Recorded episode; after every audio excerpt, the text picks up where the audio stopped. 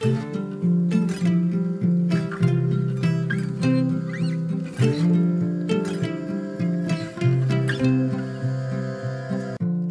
och välkommen till For Health med Anna Sparre. Nu ska vi äntligen återkoppla med enormt populäre Morley Robbins. Vi pratar om mineralerna i din kropp. Hur fungerar det på riktigt med mineraler som järn och koppar? Och vad säger järnvärden som ferritin och HB? Dessutom handlar det om zink, jod, att äta lever med hänsyn till A-vitamin. Det handlar om mineraldroppar, bikarbonat och annat. Allt baserat på de frågor ni lyssnare har ställt till oss. I våras släppte vi ju hela fyra avsnitt med Morley eftersom vi haft så mycket att prata om. Allt från magnesium till D-vitamin och järn. Därefter så har ni haft chansen att ställa frågor på forhealth.se i kommentarerna till de här podcastavsnitten. Och det är era frågor som vi behandlar i dagens avsnitt. I samband med att vi gjorde det här avsnittet så kontaktade jag naturshoppen.se och undrade om de ville vara med som sponsor. De har nämligen skapat en hel sida för att du lätt ska kunna hitta de produkter som Morley rekommenderar i det han kallar Root Cause Protocol. Där finns bland annat Adrenal Cocktail, leverkapslar, mineraldroppar och annat som vi pratar om i intervjuerna med Morley. Allt av högsta kvalitet. På naturshoppen.se. I den här versionen av intervjun finns det svenska sammanfattningar. Vill du hellre lyssna på den helengelska intervjun utan översättningar så lyssna på avsnitt 242b. Om du gillar den här intervjun så blir jag så himla glad om du vill dela med dig av den på Facebook, Instagram eller till en vän. Och gå in och lämna en recension i din podcastapp. Det är det som avgör om jag kan få hit intressanta intervjupersoner som Morley. Tack på förhand! Missa inte att boka in mig som föreläsare, till exempel till ett event eller företag, och ladda ner mina e-böcker under fliken böcker på forhealth.se. Det finns fem böcker om kost, rörelse, livsstil, tarmhälsa och om att äta sig frisk. forhealth.se böcker.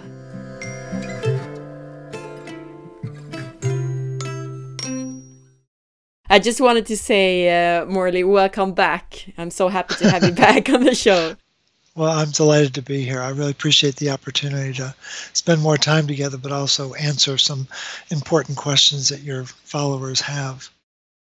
And we've received plenty of questions and very nice feedback also on the four episodes we did before summer. Listeners could ask questions at forhealth.se in the comments for the episodes that we did together. And some of the questions I've answered in short in the comments, but many of the questions we will be discussing here today in this interview. And there have especially been plenty of questions regarding iron. Mm-hmm. I think maybe what would help, because I think a lot of the questions have a relationship to not understanding the dynamic between copper and iron. And it's admittedly very confusing and the it's not clear on the internet or it's not clear in conversations with doctors about who's really running the show. And I'm, I'm sure people are familiar with looking at construction sites for buildings, and there's a lot of steel that goes into those buildings, but the steel does not build itself. The steel does not weld itself. The steel does not get put in place for proper placement by itself. And that's the delusion of modern medicine is that iron regulates itself. And it doesn't. It doesn't do it on construction sites and it doesn't do it in our bodies. And what's hard to comprehend is how many different places copper directs the activity of iron, just like a construction site. There's a construction foreman, there's a there's a um, a lot of workers who are directing the movement of iron, and think of those those craftsmen as copper, but but iron does not think for itself, and people need to step out of that paradigm and start thinking about the way the body really works, which is copper is king, and it directs the movement and the function of iron and while there's not a lot of, of popular literature that supports that, the scientific literature is overwhelmingly clear. Copper directs iron. And I think that'll help people to begin to have that as a backdrop for our discussion uh, today. I also want to start off by discussing some questions regarding the intake of liver, if that's okay with you. Sure, absolutely. One uh, listener asks um, if you can't get a hold of grass fed beef liver, could you buy organic chicken liver? Yeah, it's I get that's a common and frequently asked question. What you have to be careful of with chicken livers is that they not all livers are the same. I'm not sure why, but different animals have different mineral composition, different fat composition, and what makes beef liver so important is the omega 3 fats. Chickens tend to have a very high concentration of omega 6 fats. So if it's not possible to get grass fed beef liver, um, you, uh, I think the listeners could begin to focus on possibly lamb or goat or even pork. Uh, again, you've got to be careful of what is the feed. Preferably, it's it's grass or a natural feed that the animal is eating, uh, in order to have the proper um, nutrient, mineral, and uh, fat composition for the liver. But but chickens, they're they're very yummy. I mean, everyone's had them, uh, but they don't restore our liver the way a beef liver does. Here, at least in the south of Sweden, grass fed beef liver is often destroyed by parasites. But uh, then, if I can't get that, I buy lamb liver personally. Mm-hmm. Yep. What I thought though was with the chicken liver that if they are free ranged, really, their fat, um, the omega 3, omega 6 ratio would be better than. I mean, the problem with chickens is that they're mostly fed on, I don't know, soy and, and corn and stuff like that. Right.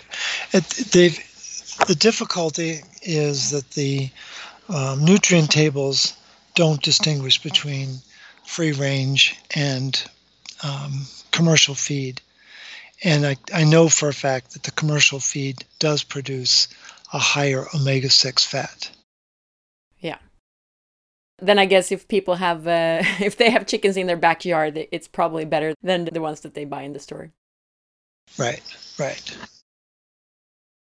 The next listener, she has been recommended to avoid foods high in purines, such as liver, due to her issues with joint pain. So she's wondering what to eat instead to replace the liver. Um, first, we have to understand what the sensitivity is to high purines. It's usually that um, there's a lot of uric acid that's being given off in that process.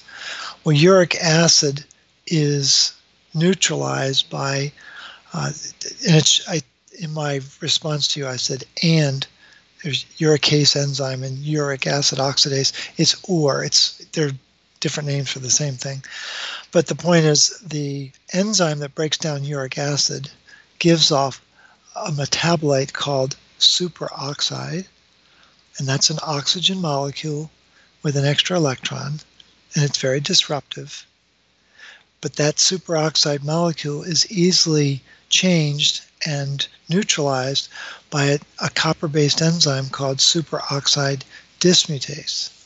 So people who have gout, if it is gout, but people who have that pain in their toe, and, and it's a blessing that it's in the toe and not in the heart, but the pain in the toe is a function of lack of superoxide dismutase to neutralize the oxidants that are being given off to break down the, the purine meat. Um, as a backup, if, if they are not willing to try to build up their bioavailable copper, um, I think desiccated beef liver tablets is probably a good option. That they're not going to get the same concentration of purines in the in the desiccated uh, products. Um, and one of the main reasons why we're uh, having the liver is it's just such a nutrient dense food. It, it's the highest concentration of B vitamins, highest concentration of uh, choline, which is very important for fat uh, digestion, catalase enzyme, which is very, very important for breaking down hydrogen peroxide. Um, and there are a number of other factors, but the the organ meats and especially the liver is just an exceptional source of these nutrients that I would encourage them to to kind of think through what what's the rationale for their being told to avoid the purines, and if it is in fact um, gout, then they they need to be doing just the opposite of what intuitively it would, would make sense to do, and that would be to build up their bioavailable copper. And there's no better way to do it than um, organ meats. Yeah, and now as you mentioned the desiccated beef liver, I want to also because I had many questions about where do we get those in Sweden, and there is a Swedish site now. It's called naturshoppen.se, which has beef liver capsules and also actually most other products that you recommend for the RCP protocol. After our interviews, they created a section, RCP section on their site. Oh, that's wonderful. That's great. The next question then is from a listener. She says, When pregnant, you're recommended to avoid liver due to the high content of vitamin A. What do you say about that? I don't agree with it at all. I mean, the the folk when you when you get down to what is the composition of breast milk, let's just start there. Well, there's no iron and there's no vitamin D in breast milk, and that's an established scientific fact. And what do obstetricians promote? Taking vitamin D and taking iron. Well, when you get into the, the research about what are the nutrients that are essential to make a baby, you got to have a lot of copper and you got to have a lot of retinol in order to do it. And the um, a lot of the confusion is around uh, hemoglobin. There's something called hemodilution that takes place in the second half of the pregnancy, where the hemoglobin level in the mother is dropping because the blood is being spread over one and a half people, and and that is just as Mother Nature intended it. And taking iron to try to offset that natural process is very destructive. It's um, it's it's a common practice, certainly here in the states. I'm not sure how prevalent it is in in uh, Europe, but it's it's out of step with Mother Nature. Retinol, same thing. You, retinol is when again when you get into the research of the um, physiology of building a fetus and then subsequently the infant, it's it's absolutely essential. And it, the the the blanket recommendations to stop taking retinol is based on very um, I, I think it's based on very uh, spotty research. I don't think it's based on uh, a, a, compendium and a, and a wide spectrum of understanding about how the human physiology builds a an infant, and that's a serious problem. Yeah, and I also think it's based on taking high levels of synthetic vitamin A supplements. Yes. And what I also yes. wanted to mention there is that if you look at people who live more like we did during evolution, what do they give to their pregnant women? They give organ meats, uh, which are Absolutely. high in vitamin A, because it's so important to get that nutrition. Yeah, the nutrient density of organ meats is far superior to anything that is available uh, in our food supply. And people just have not been trained properly to understand that. Thank you for your answers so far. Vi fick massor med lyssnarfrågor efter de fyra intervjuerna jag gjorde ihop med Morley Robbins i våras. Ni lyssnare kunde ställa frågor i kommentarerna på bloggen och här tar vi upp många av dem. Det var särskilt många frågor kring järn och järnvärden, men också en hel del annat. Morley börjar med att förklara lite kring hur just järn och koppar fungerar i kroppen. Gå gärna också tillbaka till de avsnitt som vi gjorde i våras för att höra ännu utförligare kring detta, det vill säga 218, 219, 220 och 221. Morley betonar att järn inte reglerar sig själv. Koppar däremot styr järn på väldigt många sätt i kroppen. Vi börjar sen med frågor kring att äta lever. Fråga. Undrar om det går lika bra med kycklinglever som lever från gräsbetande nöt? Olika djur har olika sammansättning av fetter och mineraler i sin lever. Kycklinglever tenderar att ha mer omega-6 i förhållande till omega-3 jämfört med nötlever. Bra alternativ till nötlever kan vara lamm eller getlever. Viktigast är det att vara noggrann med vad djuret är utfodrat med. Men de näringsvärden som finns är ju från det som kallas konventionellt uppfödd kyckling. Så kyckling som är utomhus frigående har antagligen mycket bättre fördelning av näringsämnen. Nästa fråga om lever lyder jag har fått rekommendation att äta mat som inte innehåller så mycket puriner på grund av ledbesvär. Inälvsmat är ju nyttigt, men också purinrikt. Vad ska jag välja istället? Personer med gikt rekommenderas i regel att undvika mat som bildar urinsyra i kroppen, såsom puriner. Morley säger att gikt innebär brist på enzymet SOD, superoxide dismutase, vilket behövs för att bryta ner de fria radikaler som bildas när puriner bryts ner. Vi pratar lite om sådd i en av våra tidigare intervjuer och dess relation till bland annat koppar. Har man gikt så är det alltså viktigt att arbeta med att bygga upp sin biotillgängliga koppar. Bästa sättet att göra det är med just inälvsmat. Men Morley säger att kapslar med frystorkad nötlever är ett alternativ om man inte vill äta lever. Det har inte samma koncentration av puriner.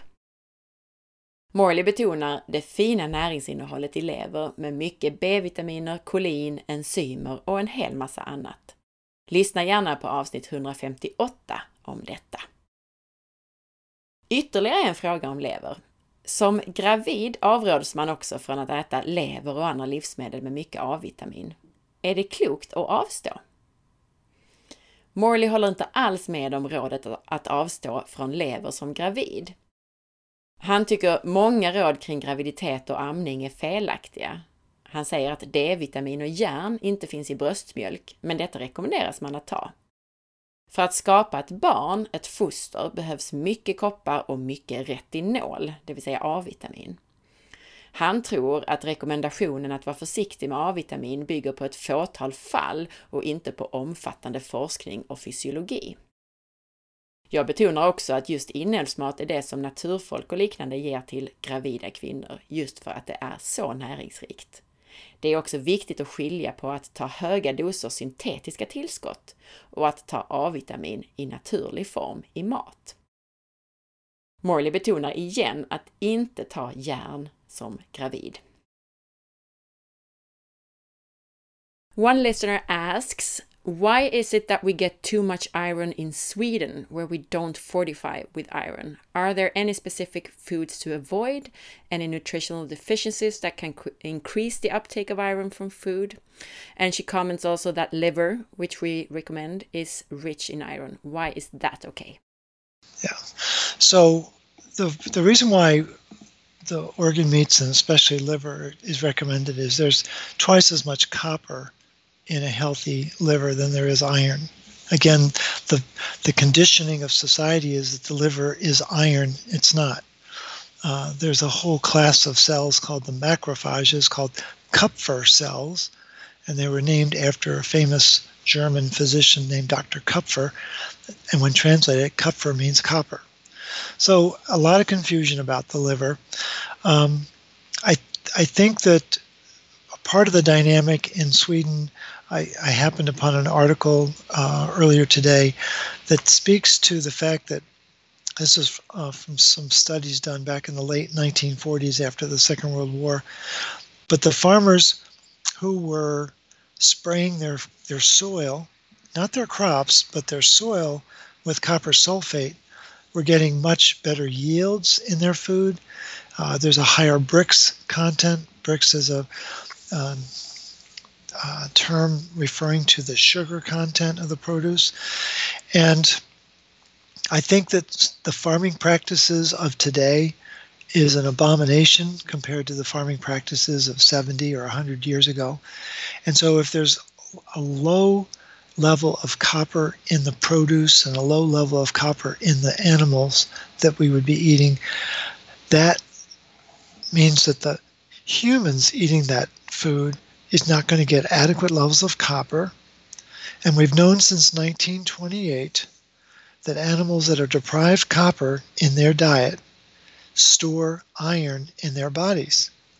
And that was uh, seminal research that was done at the University of Wisconsin uh, in Madison, Wisconsin, uh, here in the late 20s and early 30s. And that research has been lost to the modern belief that well, iron takes care of itself, and it doesn't. Um, so I think that there's a, a clear change in, in farming practices, an absolute misunderstanding about the relationship of copper in the diet, diet to regulate iron in the body. And again, we're dealing with an organ that has tremendous concentration of nutrients that are important across the board for our overall well-being. So, so I think the the other thing that they need to be considering is, um, if you're worried about taking up too much iron, then I would avoid citric acid and um, ascorbic acid like the plague. The citric acid will disrupt ceruloplasmin. It's a known serum um, toxin to ceruloplasmin. And again, we've known that since 1948. And citric acid, or excuse me, ascorbic acid, also in that same publication in 1948, identified ascorbic acid as a, an agent that would disrupt the ceruloplasmin protein. As soon as you've disrupted ceruloplasmin, you've disrupted the ability to have bioavailable copper to then regulate iron. If copper is not bioavailable, iron becomes dysfunctional. And that's how it works. And also, I guess uh, ascorbic acid could increase the uptake of iron from the. Absolutely, increases the uptake. Yeah. And, and and ascorbic acid blocks the absorption of copper in the diet. And again, three key events, and everyone's taking it because they think it's going to help them with their cold, which is not true. Many listeners are wondering if they should avoid the iron supplements that you're given after having donated blood. Now, when you say iron supplements, are you referring to the snacks that they have available or actual iron supplements? No, you get you, in Sweden you get actual iron supplements. You get the pills with the the iron sulfate, I guess it's called in English. Okay. I what I would encourage the listeners to do is give those iron supplements to the neighbors that they like the least. I usually say that go home, eat some liver, and then you're fine. Yes, that's exactly right. Very good advice. Yeah, I would have I would avoid those supplements. Absolutely. I mean, the reason that you're recommending to donate blood is to get rid of excess iron. So it, it doesn't make sense to take uh, tablets. No, no, that's a very good point. A few are wondering about losing a lot of blood. So if you've lost much blood, so one person lost two liters after giving birth, is it never recommended to use iron supplements? She's wondering. And they have symptoms such as tiredness, brain fog, weakness, etc. Yeah, it's important to understand that that many of the symptoms that people uh, experience the, the fatigue, um, the weakness, the brain fog those are indications of low metabolic function. The, the mitochondria are not doing their job properly. And and the most important thing that happens in the mitochondria is that oxygen gets activated by copper in a key complex called cytochrome C oxidase. And when that happens, the oxygen becomes water, and three energy precursor molecules are, are released called ADP. That's that's the most important event that takes place in the mitochondria. If that's not allowed to happen, then you will get fatigue and you will get brain fog and you will get feelings. And what happens is that as iron builds up in the cell and inside the mitochondria, the mitochondria can't breathe right, can't respire, can't work with oxygen properly. And they've attached these symptoms of fatigue to an iron issue when in fact it's actually a copper issue. Um, and the analogy that I typically use with folks is many of us drive cars and we're familiar with the concept of miles per gallon.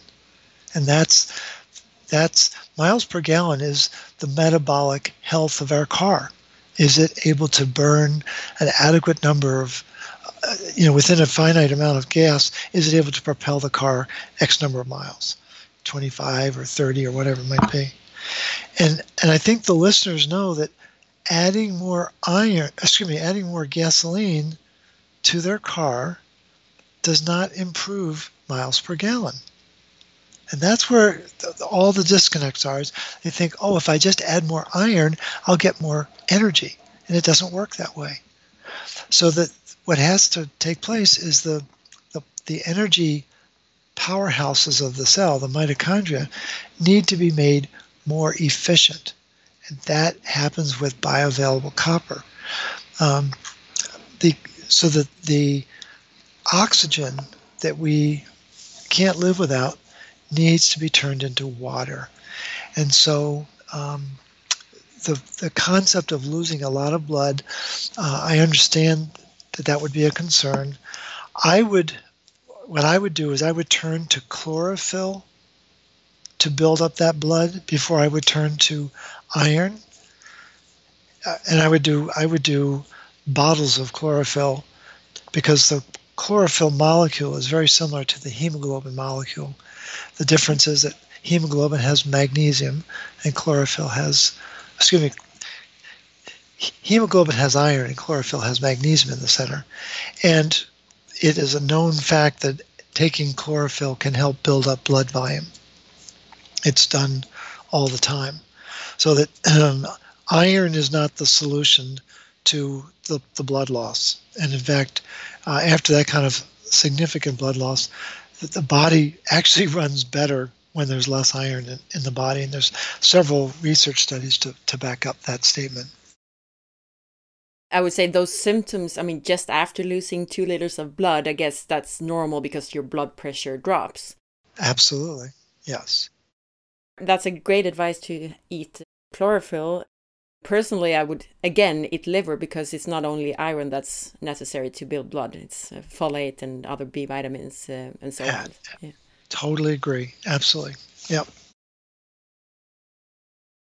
Vi kommer in på järn. Fråga. Hur kommer det sig att vi får i oss för mycket järn i Sverige? Är det specifika livsmedel som man ska se upp med? vissa näringsbrister som kan öka upptaget ur maten. Vad jag vet så järnberikas inte mjöl här. Lever som rekommenderas som livsmedel är ju också rikt på järn. Morley förklarar att det finns förhållandevis dubbelt så mycket koppar som järn i en frisk lever. Därav att lever är okej, trots järninnehållet.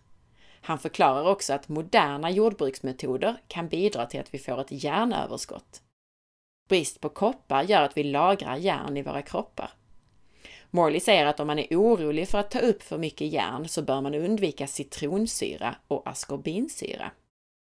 En parentes från min sida här är att detta är de två antioxidanter som används i all processad mat, det vill säga alla charkprodukter, korvar med mera. Läs innehållsförteckningen så ska du se. Båda ämnena förstör ceruloplasmin, det vill säga koppar i sin biotillgängliga form, det vill säga det som ska reglera järn. Askorbinsyra kan också öka upptaget av järn ur kosten och blockera upptaget av koppar. Fler frågor om järn? Har jag förstått det rätt att jag inte behöver ha dåligt samvete längre och att jag kommer att vara friskare för att jag inte tar järntabletterna som jag fått som blodgivare?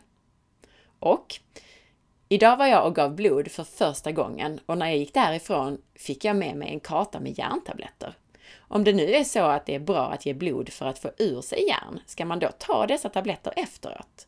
Jag äter en kost rik på grönsaker, naturbeteskött och vildfångad fjällfisk.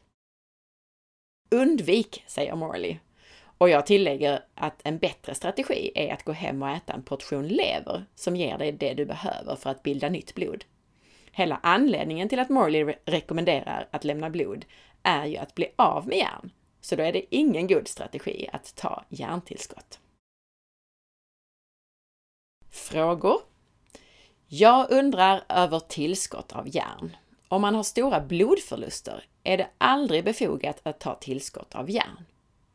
Och hur ska man då tänka om man har järnbrist på grund av en stor blödning vid förlossning, 2 liter? Återhämtar kroppen sig själv utan järntillskott?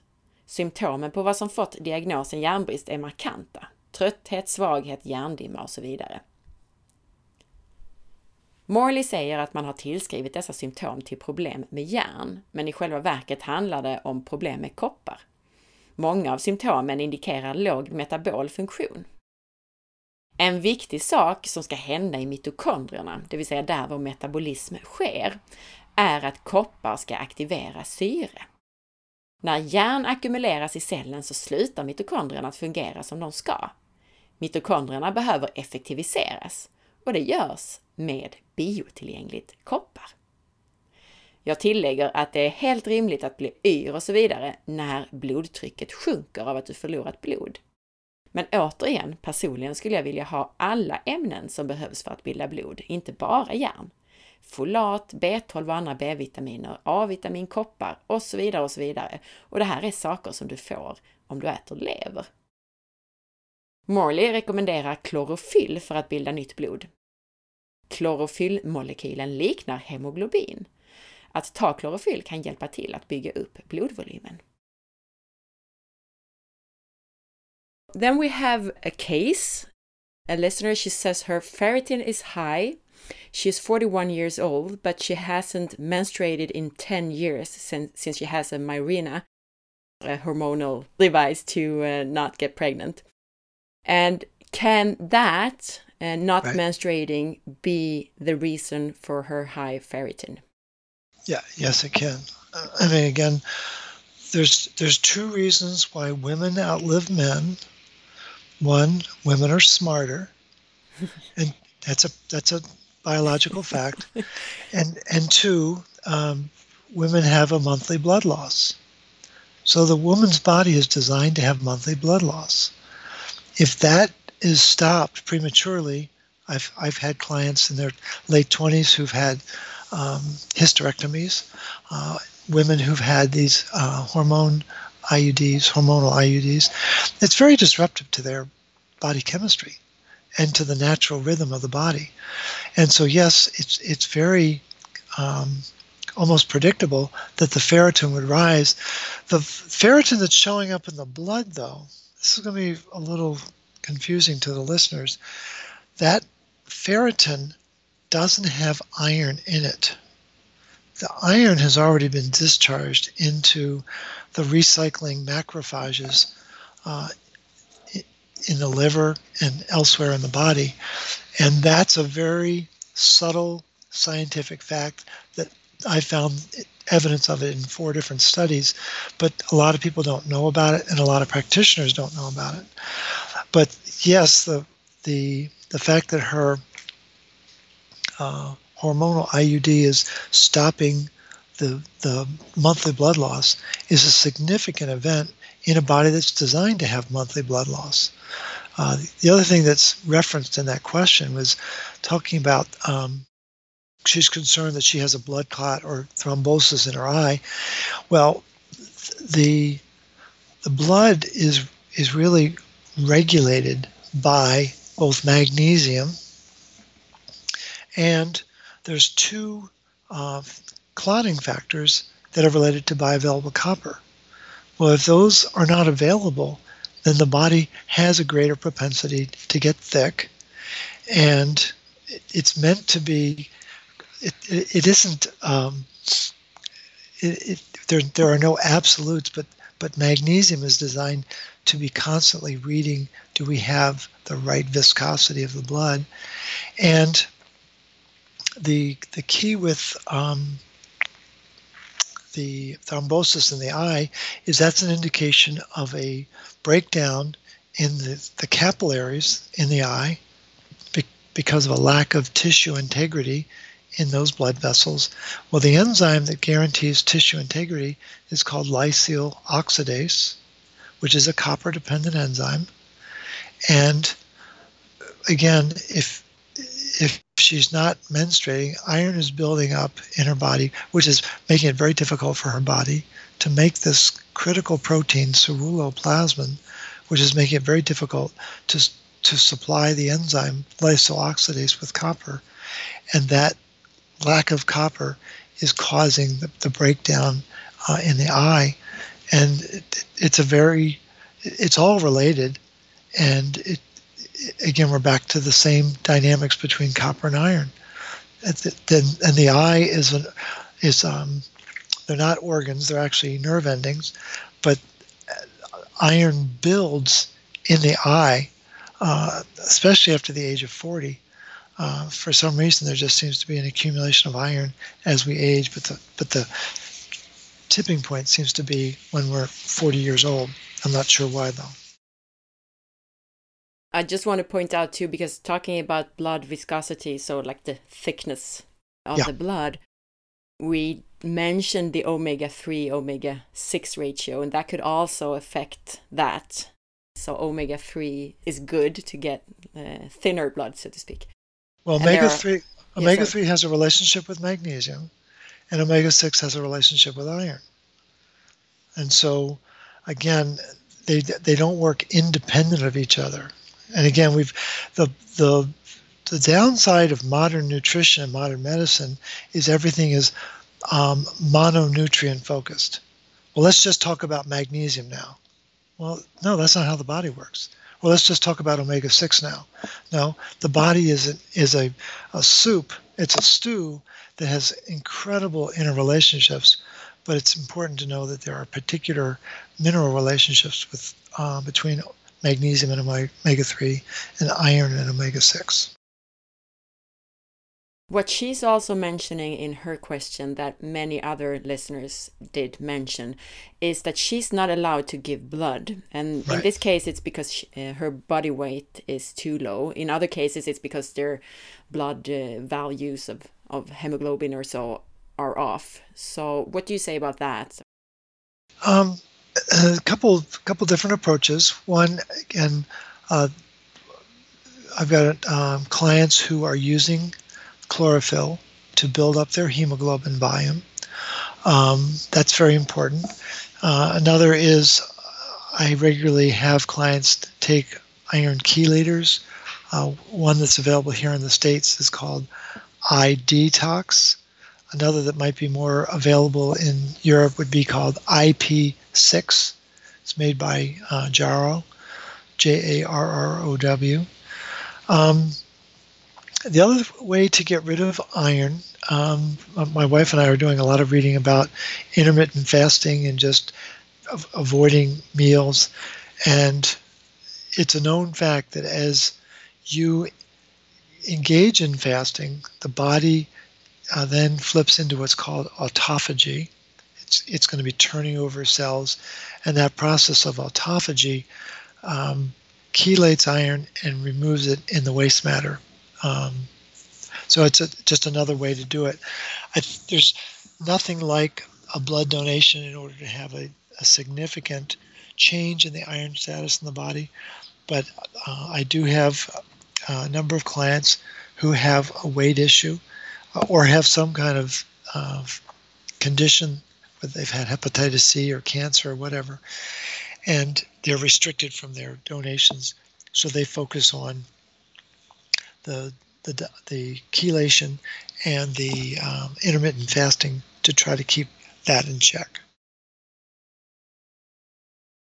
And then there's a second case, and this woman is 70 years old and has been given iron infusions since she says within citation she needs to have a ferritin over 100 in order for her medication for restless legs to be working.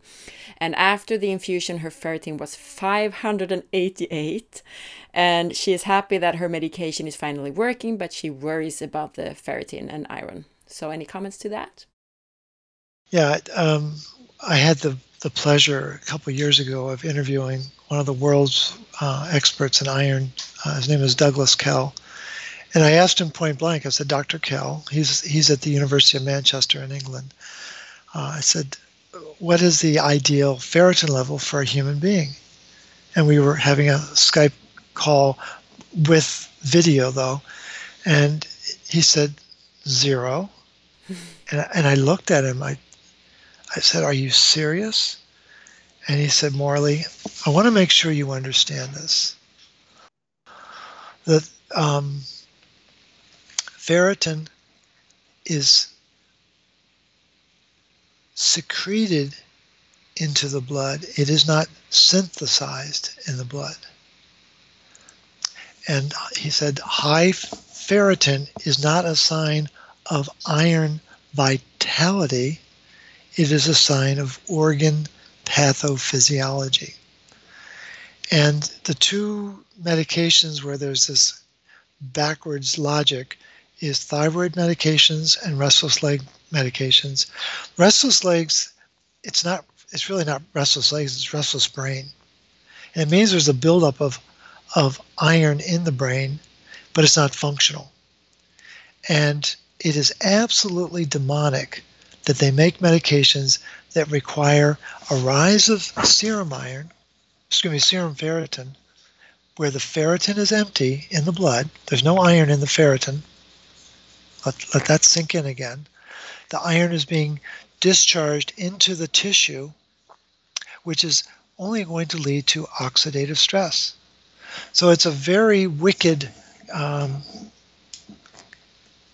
misrepresentation of what's needed. And any medication that requires iron to be building, I think is, is a flawed medication. What we need is more bioavailable copper to make the iron that we have in our body more usable. This idea that we need to keep adding iron to our body, keep ingesting iron in your diet, keep getting those supplements, that is absolutely contraindicated going back, you know, for, for scores and scores of years. What should she do then? I mean, if you have restless legs, what's what's the main cause, do you think, or what should she do instead? Restless legs responds to magnesium and bioavailable copper. I wouldn't I wouldn't take a medication for it. It's not a disease. There, there is no disease. It's just the there's oxidative stress in her brain that's affecting nerve transmission in her in her legs, but she needs to address the oxidative stress, and adding iron is only going to make more oxidative stress. The, the, the medication is only providing symptom relief. It's not correcting the underlying problem. It's not getting to the root cause. Vi fortsätter med fler frågor om järn och nu om ferritinvärden. Fråga. Jag tog prover i vintras som visar på höga ferritinvärden. Blir ju lite orolig när jag hör Morley. Läkarna lägger ingen vidare vikt vid detta. Jag är 41 år, tränar, äter bra, är inte överviktig och dricker inga mängder alkohol, något glas per vecka. Jag har inte haft mens på över 10 år då jag satte in hormonspiral efter mitt senaste barn. Kan det påverka mitt höga järnvärde? Jag får heller inte lämna blod för att jag väger under 50 kilo. Tycker du att jag ska gå tillbaka till min läkare och ifrågasätta detta, att de inte verkar tycka att järnvärdet är viktigt? Fick även en blodpropp i mitt öga för cirka två månader sedan som de håller på att utreda. Ja, att inte menstruera kan vara anledningen till ett högt ferritin. Om man inte menstruerar ackumuleras järn. Hormonella preventivmedel är störande för kroppen och biokemin. Men ferritinet i blodet har faktiskt inte järn i sig. Järnet har redan lämnats till makrofagerna. Men det är en historia för sig. Morley beskriver också att det finns koagulationsfaktorer, clotting factors, som är relaterade till koppar. Om inte de finns tillgängliga har blodet en tendens att bli tjockt. Magnesium är också involverat i regleringen av blodets viskositet. Jag tillägger att även omega-3 och omega-6-balansen påverkar blodets viskositet. Apropå vad vi pratade om kring lever från djur som är uppfödda på olika vis. Om man inte får lämna blod på grund av dåliga blodvärden så kan man först och främst försöka förbättra värdena med hjälp av klorofyll. Andra strategier om man inte får lämna blod är att använda tillskott som kelerar järn, det vill säga binder järn i tarmen så att man inte tar upp det. Fasta är också en bra strategi. När kroppen ökar sin autofagi så keleras samtidigt järn och förs ut ur kroppen. Och du kan läsa mer om autofagi på forhealth.se. Använd sökrutan och sök efter ordet autofagi så hittar du mycket information om det. Men i korthet så är autofagi den process som i huvudsak gör att just fasta och kalorirestriktion kan öka din livslängd. Det handlar om nedbrytning och återvinning av cellens egna beståndsdelar. Fråga. Fått hjärninfusion eftersom mitt ferritinvärde låg på 49. För lågt värde för mig ska helst ligga över 100 för att mediciner mot restless legs ska fungera. Låg på 588 efter infusionen. Nu är jag orolig för vad detta kan ställa till i kroppen, även om jag är glad att medicinen mot restless legs äntligen fungerar. Är 70 år. Morley berättar om en hjärnexpert som han pratat med som säger att idealvärdet för ferritin är noll. Han sa Ferritin utsöndras i blodet, det bildas inte i blodet. Ferritin är inte ett tecken på hjärnvitalitet utan på organpatofysiologi. Högt ferritin betyder att järnet ansamlas i vävnaderna och ger oxidativ stress. Både sköldkörtelmedicin och restless legs medicin kräver tyvärr ett högt ferritin, vilket är skadligt. Morley säger att restless legs handlar om ansamling av järn i hjärnan. Vad vi behöver är mer biotillgängligt koppar för att kunna använda järnet i kroppen. Det hon behöver är magnesium och biotillgängligt koppar. Läkemedlet ger bara symptomlindring, det rättar inte till orsaken. The last two questions about iron are about a low ferritin, a low. So the first one is Is a low ferritin an issue if the hemoglobin is okay? Is it a sign that something is wrong or is it okay? I, I guess you answered this one just previously. Well, no, there are three different ways to measure iron status in the human body.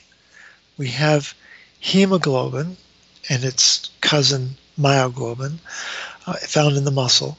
And that's where 80% of the iron is found in the human body, is in the in, in those proteins carrying oxygen. Very, very important. Can't live without them. But it's the highest concentration of iron in the body is in hemoglobin and myoglobin.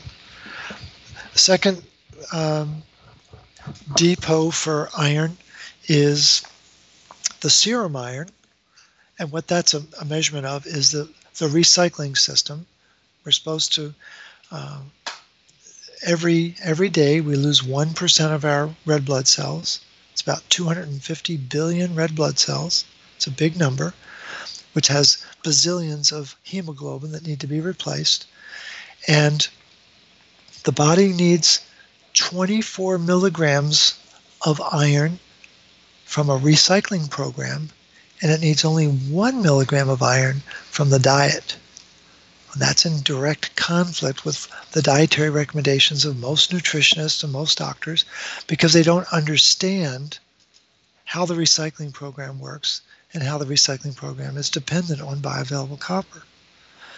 So the third category is iron that's in intracellular proteins called ferritin. There's a big difference between, there's actually three different types of ferritin in the human body. There's ferritin heavy chain, there's ferritin light chain, and then there's serum ferritin. Ferritin heavy chain has bioavailable copper and has what's called ferroxidase enzyme function. Very, very important. And that ferritin heavy chain is what allows iron to be loaded into ferritin. It's an essential requirement to load iron into that pro- storage protein. Ferritin light chain is pure storage. There's no, it doesn't have the ability to load iron. Uh, it's it is not has no component of a bioavailable copper in it.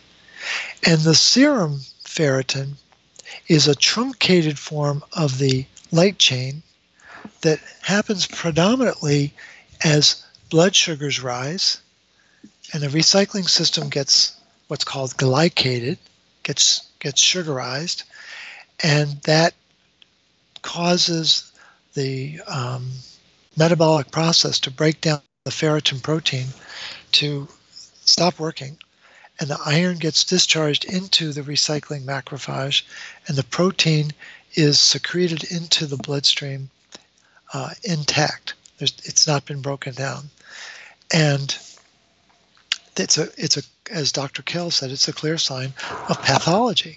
The body is is designed to break down this ferritin and recycle that iron, and if it can't do that, that's not a good thing.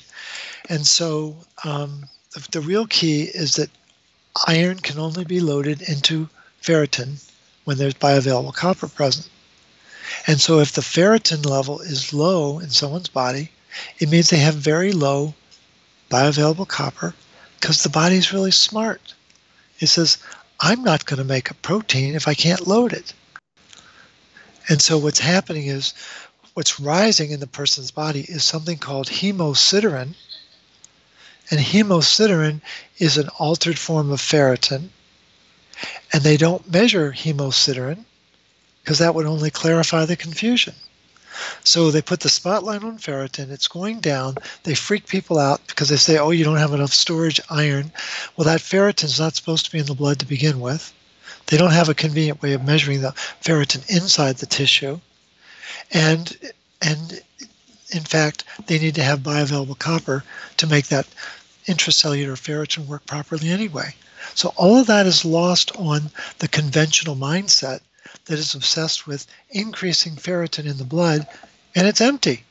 The protein is it's empty shotgun shells. Again, this is not my idea. It's it's established in the research.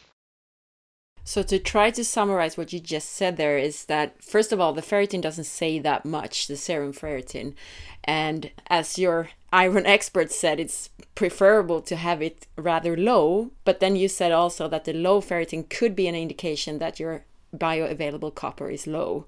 Yeah. Yeah. But if she's feeling okay and all her other values are okay, it's probably okay, apart from maybe she's being a little bit low in copper.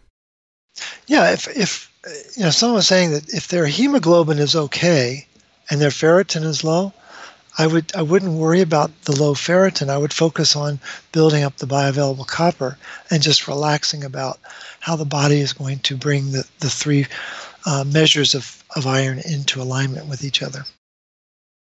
The other listener, though, she also has a normal hemoglobin and a low ferritin, but she says she has symptoms, though. She says she has typical symptoms of anemia, such as dizziness, tiredness, and so on, and she is now considering iron supplements. Well, again, we're, we're back to they've uh, they've attached symptoms to an iron issue that, truth be known, are actually signs of low bioavailable copper. The, when the metabolic function goes down, you do get dizzy, you do get tired. And people have been conditioned, like circus bears, to believe that low iron is causing their dizziness, low iron is causing their tiredness. That is not true.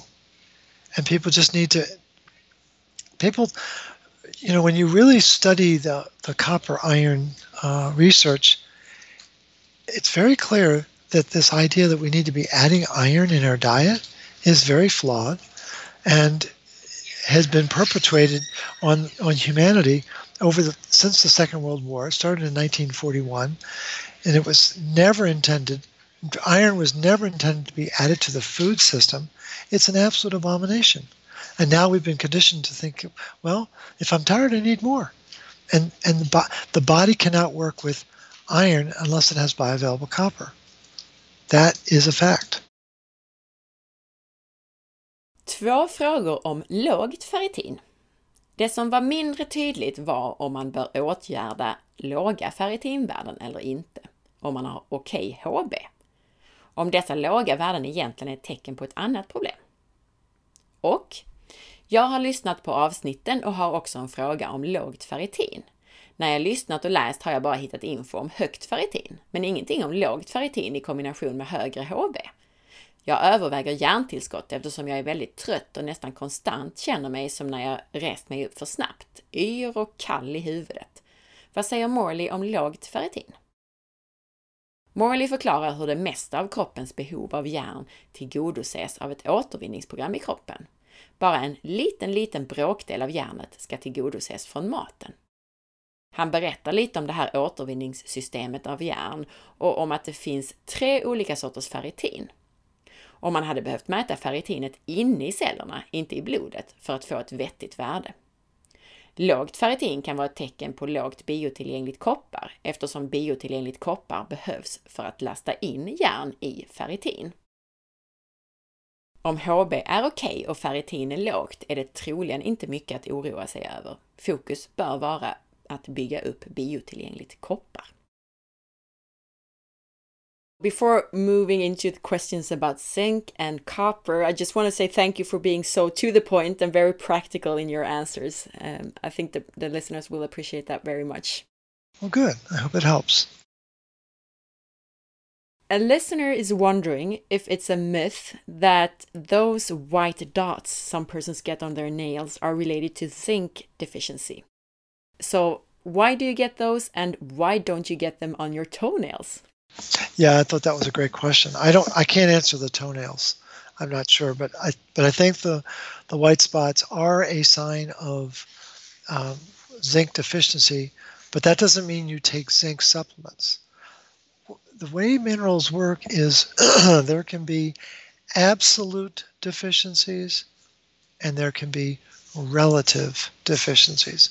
Most of the deficiencies in the human body are relative deficiencies. It's very rare to have an absolute deficiency of a mineral. But when but when copper is low, as it is in most people, because we have a very um, flawed agricultural program, uh, and we have very flawed um, uh, vitamins and supplements in our routine. But when copper is low, iron is going to build in the body. And as iron builds, it's going to overshadow zinc. And then zinc doesn't express right. And then it looks it looks deficient, but it's a it's a it's a relative deficiency. It's not an absolute deficiency. So if, if people take zinc supplements because they see those white spots, then what they're going to do is they're going to trigger the production of a protein in their liver it's called metallothionein, and it will bind up the copper a thousand times stronger than it binds up zinc. And that's just the way our body works. That metallothionein protein is a protein that's meant to protect us from stress, and zinc is the stimulus to make that um, that protein active.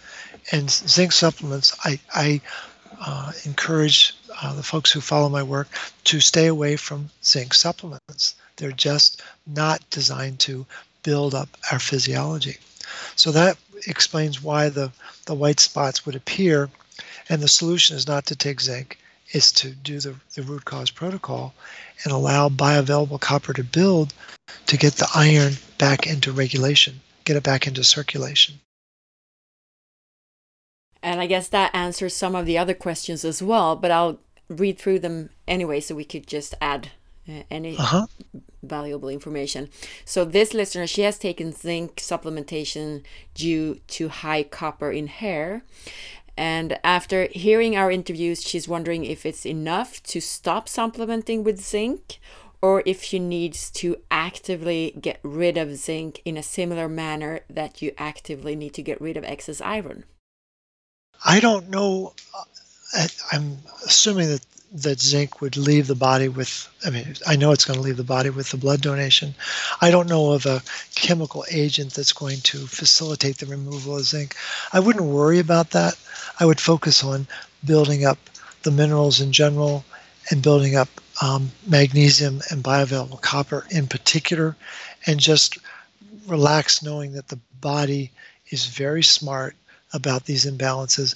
Once it has access to the right minerals and vitamins, it knows exactly what to do.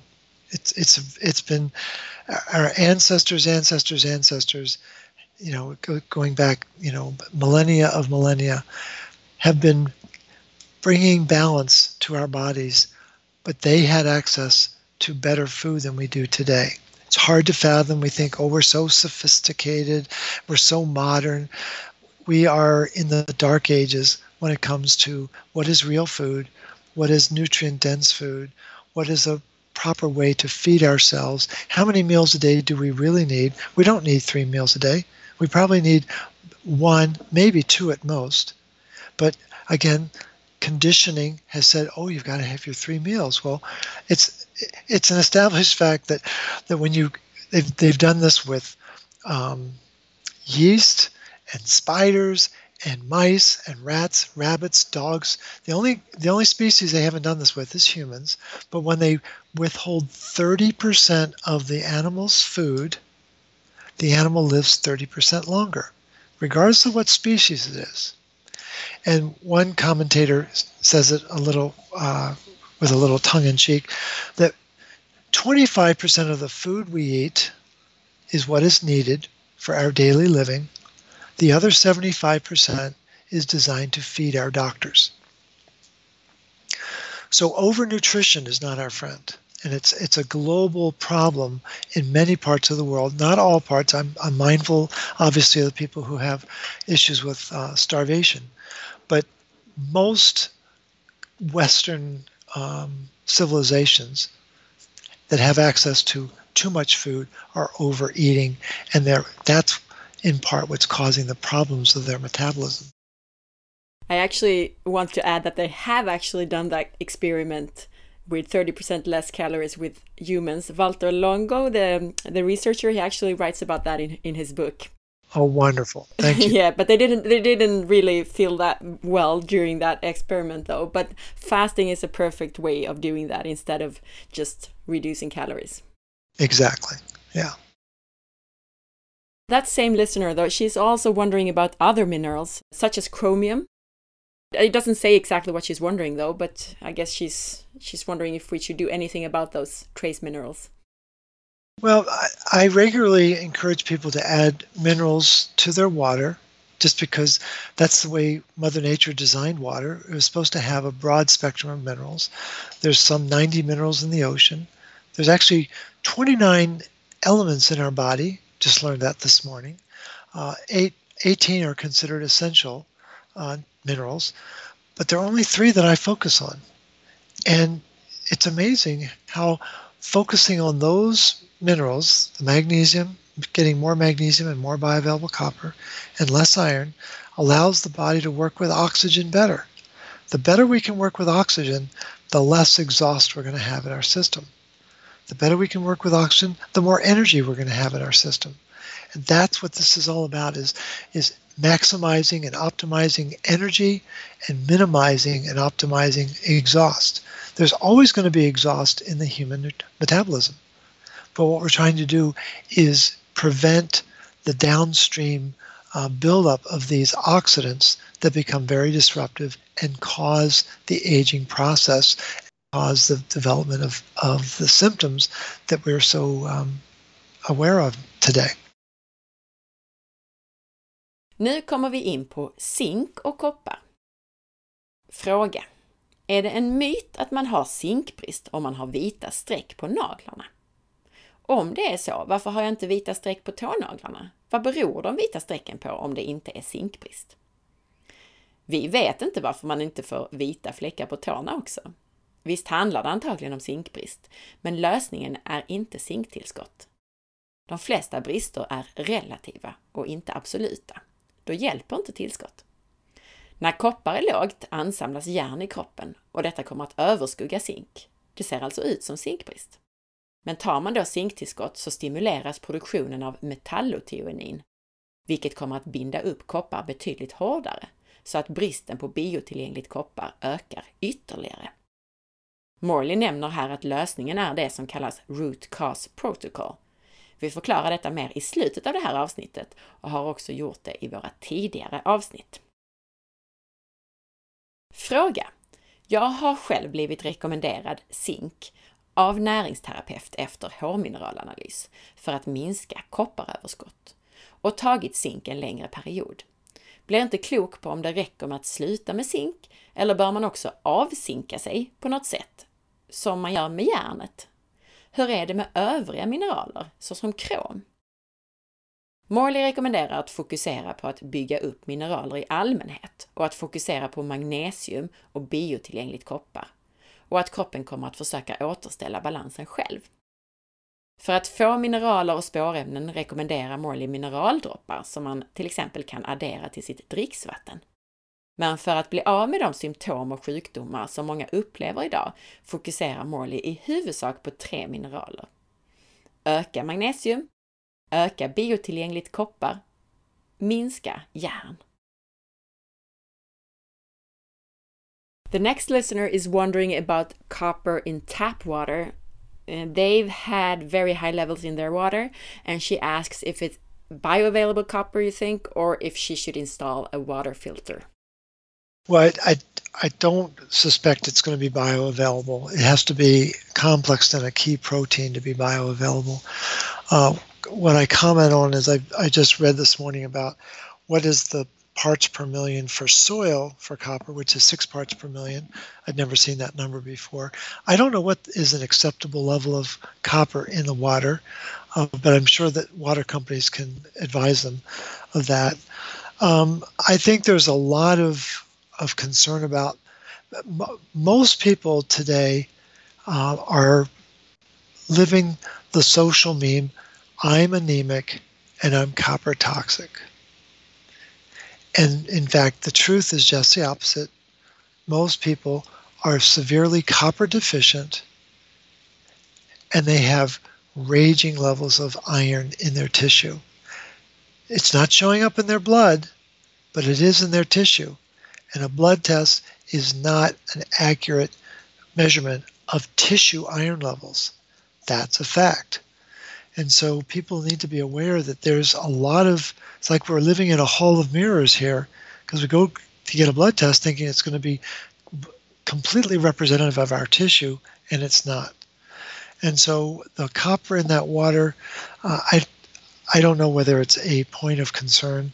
Uh, what we do here um, in our home is we use a, uh, a filter from a company called pH prescriptions. They're based here in the States in Florida.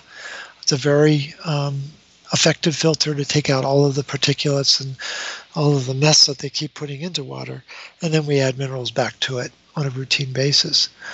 Uh, so i am not as concerned about the copper in the water. I, would be able to comment further if I had better access to their um, hair test or blood test to say what else was going on in their in their body. But I think that concern about the copper may be ill-founded at this point. So when you say you add minerals back into your tap water, what minerals do you add? Uh, there are several companies. There's Trace Minerals. Um, uh, there's a company out of Australia, uh, Aussie Minerals. Um, there are a number of different companies that offer a broad spectrum, anywhere from 82 to 94 minerals are available in um, these mineral drops. Okay, so it's those mineral drops that you add that you have in the, the RCP protocol that exactly drinking water. Yeah. Okay, perfect. But also just to comment on that copper in tap water, I think the copper is actually the reason why you're advised to flush the water before you take drinking water from the tap. And also to not use the hot water because that brings more copper into the drinking water. That makes sense.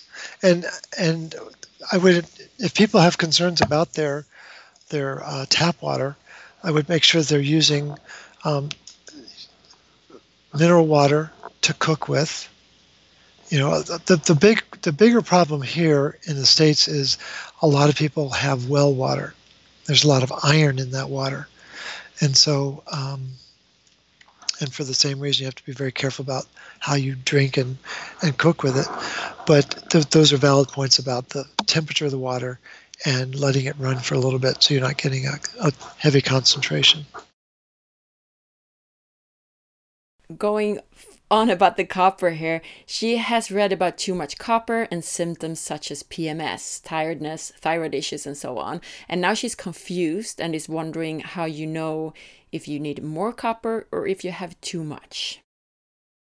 The, a lot of the confusion about copper is based on hair tissue mineral analysis, which is not completely accurate about the status of copper in the body. That's why I use blood tests and what the hair tissue mineral analysis is completely deficient on is measuring ceruloplasmin, which is the most important protein in the human body as it relates to copper status. So um, the the um, a lot of concern about you know copper is it too high? The, think look at these all these questions. Are people thinking they have copper toxicity and that's that's the conditioning of society. Again, virtually every person I've worked with in the last 10 years has been iron toxic because they had low bioavailable copper. And it's a pandemic on this planet. And I would go so far as to say it's by design. It's exactly where the pharmaceutical companies want it but it's it's exact opposite of what people think is going on. And I would caution people about running to the internet to get advice about copper and iron. There's a lot of disinformation uh, on those websites, and you have to be very mindful of the research to properly um, sort it out. And I've been doing this iron research now for about seven years. And only now do I feel comfortable with being able to separate wheat from chaff, particularly as it relates to a, a scientific study or a website that's talking about it, because there's all sorts of sleight of hand. They love to confuse you with the, the walnut shells and the pea. And, and you're chasing, looking for where where's the where's the copper? Where do I need? And it's very very confusing once you get to the end of the articles. And getting rid of copper in the human body is one of the most devastating things you can do to your metabolism. People take um, coffee enemas and people who take molybdenum and people who are taking all sorts of sulfur products to get rid of the X or is taking zinc. Uh, those are very dangerous steps to take because they don't understand the, the question that needs to be asked is how and why did my copper come outside of ceruloplasmin? That's the question that needs to be asked because that's where it's meant to be complex. It's supposed to be inside ceruloplasmin in the blood so that it can deliver copper to the tissue. And if it's not in that ceruloplasmin protein, it's been violated. Some chemical agent has violated it. And that's what people need to be focusing on is how and why did my copper get outside of ceruloplasmin? Not, oh, I'm copper toxic, I've got to get rid of it that that's a very dangerous uh, conclusion to draw. On the other hand, though, a lot of women are asking this question that this woman is also questioning now. She has had a copper coil, a contraceptive, and is wondering uh-huh. about what she needs to do regarding a possible overload of copper in her body. No, the, the, the copper IUD is a real, it, it, it's a conundrum. And I spell it a little differently. I spell it CU. Um, but I, th- I think what's tragic is that all of the responsibility for unwanted pregnancy falls on the woman's shoulders. I don't think that's fair. I don't think enough men step up, get vasectomies, or do whatever they can do uh, to uh, prevent their partners or spouses, their wives, whatever, from having to subject themselves to these chemicals and these agents. So that would be that would be my opening volley. Is I think we need to start to share the responsibility for that. But the copper IUD is very vexing. I have some co- clients where it's no issue; they have no problem with the copper IUD. I have other clients though where they can trace back their symptoms to the minute the copper IUD was placed inside their body. And it was expressing uh, too much metallic copper, and their body couldn't metabolize it. So uh, I absolutely empathize with people trying to sort out their options, but the, the, the problem is that copper is being used um, in a in a um, process that could be maybe dealt with in other ways, but introducing a lot of metallic copper into the body can be very problematic, as as many people are finding. In a previous interview, you talked about copper ions. Uh huh. And a listener wants you to elaborate more regarding the Cu1 plus and the Cu2 plus that you mentioned. Right. So a lot of people are familiar with a hair test, and they and it's sometimes the copper will express low, sometimes it'll express high. What people need to understand about the copper, excuse me, with, about the hair test, is the first thing they do with the hair sample is they burn it, and that oxidizes the valence in all the metals. So copper has two valences, zinc only has one iron has three or four, and manganese has five. And so we're getting a false read of these metals because of the way they prepare the sample for analysis. The um, when the uh, Swedish physiologists uh, Holmberg and Laurell first uh, described the ceruloplasmin protein back in 1948, they were very clear that there was four copper 1 plus and four copper 2 plus inside that molecule of ceruloplasmin, which is absolutely amazing. And they were surrounding a an oxygen molecule. And that's what gave that protein, or excuse me, that yeah, that protein its unique properties and, and unique uh, capabilities. The body is designed, uh, ideally, to take in the copper 2 form of copper and reduce it to copper 1. But that function that that's done by bacteria, well many of those bacteria have been wiped out by antibiotics. So we've lost some of the um, ancestral heritage that we had um, being able to do that because of modern um, medications. So that we just have to be really sensitive to uh, getting our food in forms where the farmers are very mindful of the importance of feeding the soil with the right minerals, making sure that the animals are eating the right um, produce and right grasses or whatever the, the natural feed is, so that their body can metabolize the copper, so that our body can metabolize the copper. Um, it's worrying about the valence of the copper, it's it's intriguing, it's fascinating, but it, it shouldn't be a point of concern that a properly raised uh, produce and animal is going to be expressing the right kind of copper for our body as well. So, if you know that you had a lot of antibiotics and you know that your gut flora isn't the best, you still shouldn't worry about that. No, I would just I would focus on eating um, healthy and properly prepared fermented foods to rebuild that that gut flora. If appropriate, take probiotics, but I wouldn't worry about um, the the valence at this point. I don't think that's going to be um, constructive to, to help them rebuild themselves. Fråga. Jag har en undran om koppar. Hur är det med koppar i vattnet? Vi har kopparutfällning i vårt dricksvatten som gör att det blir grönt i handfatet till exempel. Det beror på vad jag förstått att vi har kopparrör. Jag har gjort hårmineralanalys och hade då mycket koppar i håret, vilket jag tänkte inte var så konstigt när vi hade vatten som gör håret grönt av koppar. Hur är det med den kopparn? Den kan väl inte vara biotillgänglig?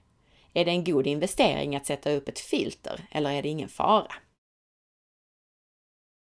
Det är troligen inte biotillgängligt. För att vara biotillgängligt behöver koppar vara i ett proteinkomplex. och det är därför vi fokuserar på det kopparbärande proteinet som kallas för ceruloplasmin. Men Morley är lite inne på att vi oroar oss för fel saker, det vill säga mer över koppar än över järn till exempel.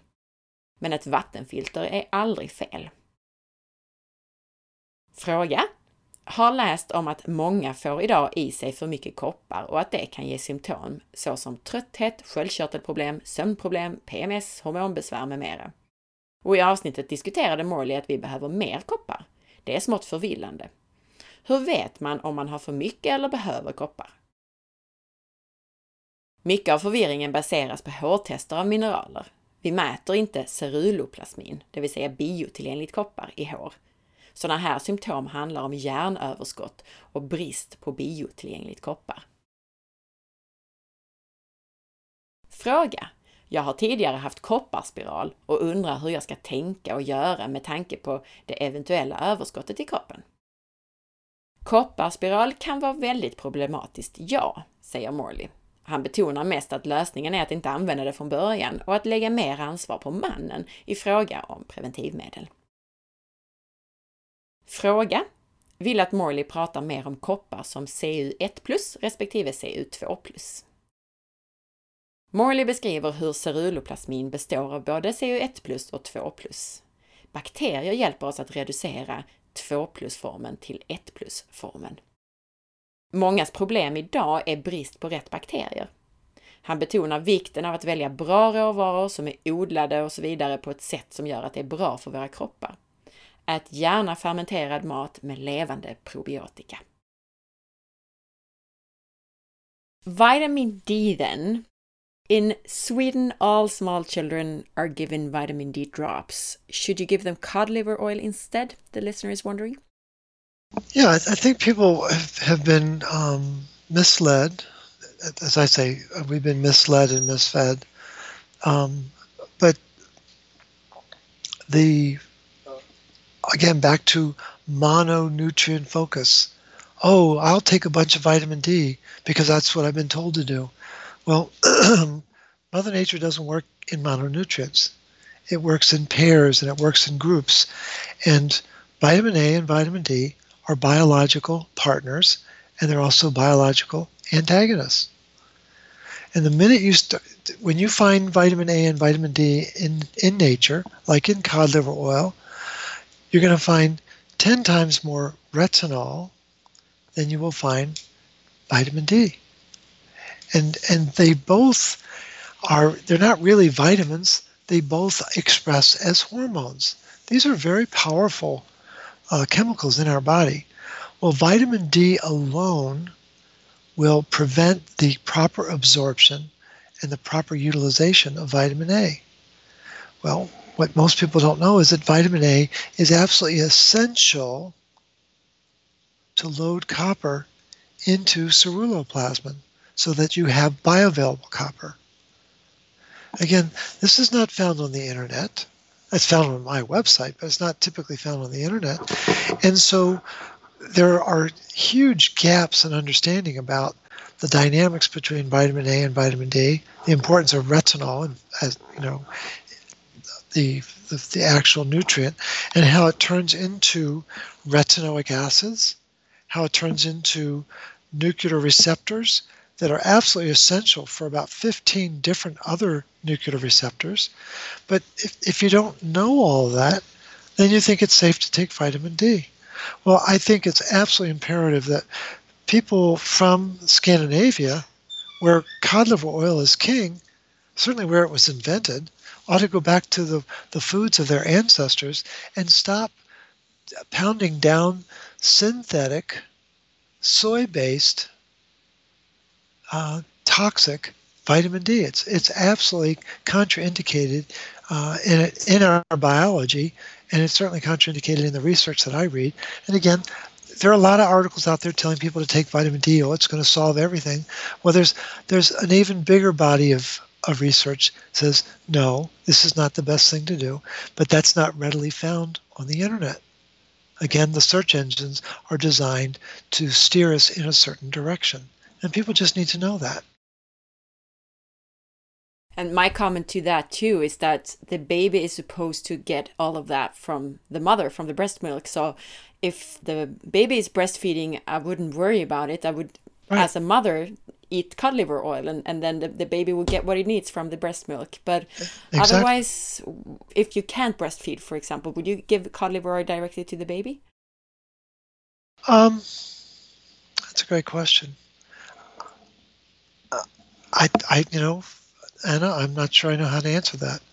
Um, I don't know if there would be any reason why you couldn't um, add the cod liver oil to infant formula. But again, th- there's a lot of confusion because what what breast milk I, I was quite surprised to learn this recently. The, the the biggest concentration of cells in breast milk is macrophages. 90% of the cells of breast milk are macrophages. We don't find that in, in infant formula, I can tell you that. And there is no iron and there is no vitamin D in breast milk. And so I think we have to be mindful of the fact that the this hyper obsession with vitamin D is all conditioned. We're being taught to be worried about it. Our, our grandparents, great grandparents, great great grandparents never worried about vitamin D. They just worried that the mother was eating well and was able to take care of the child either through breast milk or some, you know, it could have been goat's milk, you know, infant formula or something. They were using alternatives, you know, back then as well. But it's just this misperception that we have to be making sure we get every nutrient in their in their infant formula, I think is very misleading and very dangerous, to be honest. On the topic of vitamin D, MS patients and often also other autoimmune patients are recommended vitamin D supplementation, often in very high doses. What's your take on that? Well, first we have to understand what autoimmune means. Autoimmune means that there's been a complete breakdown of the iron recycling program, that the macrophages around the body are not working right, and they're getting iron toxic and they can express in different tissue. But MS, I've studied very carefully, uh, and it's a demyelination condition. Well, 99% of the cholesterol in our brain has been there since birth. Our cholesterol is recycled day in and day out. Only 1% gets across the blood brain barrier. But 70% of that, of that cholesterol that's in the brain is being used to make myelin, the myelin sheath. And that process to make to recycle cholesterol and to remyelinate the nerves requires bioavailable copper. So that MS is a copper deficiency. It's again, it's well established in the literature. And I'm aware of the protocols that talk about high vitamin D. They make no sense to me at all because as soon as you start introducing high doses of vitamin D, you are undermining the, the bioavailability of vitamin A, which is then preventing the bioavailability of copper. So I, I think the there's a lot of, of um, correlational research around vitamin D, uh, and so there's, there's a big difference between research that's correlational and research that's causational. So the, the best way to distinguish the two is do flies cause garbage? No. Do do firemen cause fires? No. But both flies and firemen show up at the scene after the fact. And so there's been a lot of confusing conclusions that have been drawn, but that Low vitamin D is a sign of inflammation. It's well established. A wonderful article that speaks to that is by Meg Mangin, M A N G I N, from 2014, and where she, she points out that that low vitamin D is a billboard indicating inflammation. But as she so eloquently points out, you can take vitamin D all day long and you will not correct the, the inf- inflammatory process, it's not until you begin to introduce bioavailable copper that inflammation changes. And that's a fact. And so uh, I'm very leery, very suspect of the high vitamin D for MS. And I've got a number of clients who, who were told that. Uh, and people just need to know that there's more to that story. And when you want to get into the real weeds of, of multiple sclerosis, it is entirely a breakdown in the myelination of the nerves. And there's only one way that takes place, and that's when there's a buildup of iron causing a deficiency of copper, preventing the lysyl oxidase enzyme to work. Vi kommer in på vitamin D. Fråga. Jag undrar vad ni anser om det att man ger D-droppar till småbarn eftersom Morley avråder från D-vitamintillskott. Borde man ge fiskleverolja istället som innehåller bland annat A-vitamin? Vitamin A och D arbetar tillsammans. De är både partners och antagonister. I naturen så hittar du 10 gånger så mycket retinol, A-vitamin, som D-vitamin.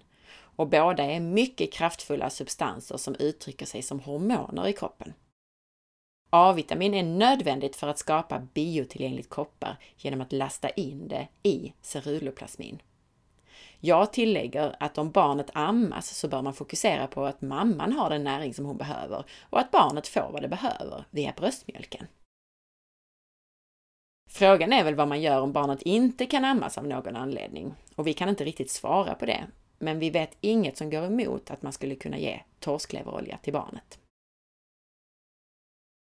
Fråga! Rekommendationen för patienter med MS och även barn till MS-patienter är att man gärna bör ta D-vitamintillskott. Har lyssnat på Molly Robbins podcasts och nu undrar jag om man bör fortsätta med D-vitamin vid MS. Morley berättar att autoimmuna sjukdomar betyder att återvinningssystemet av järn har kollapsat i kroppen, att makrofagerna runt om i kroppen inte fungerar korrekt och är järnförgiftade.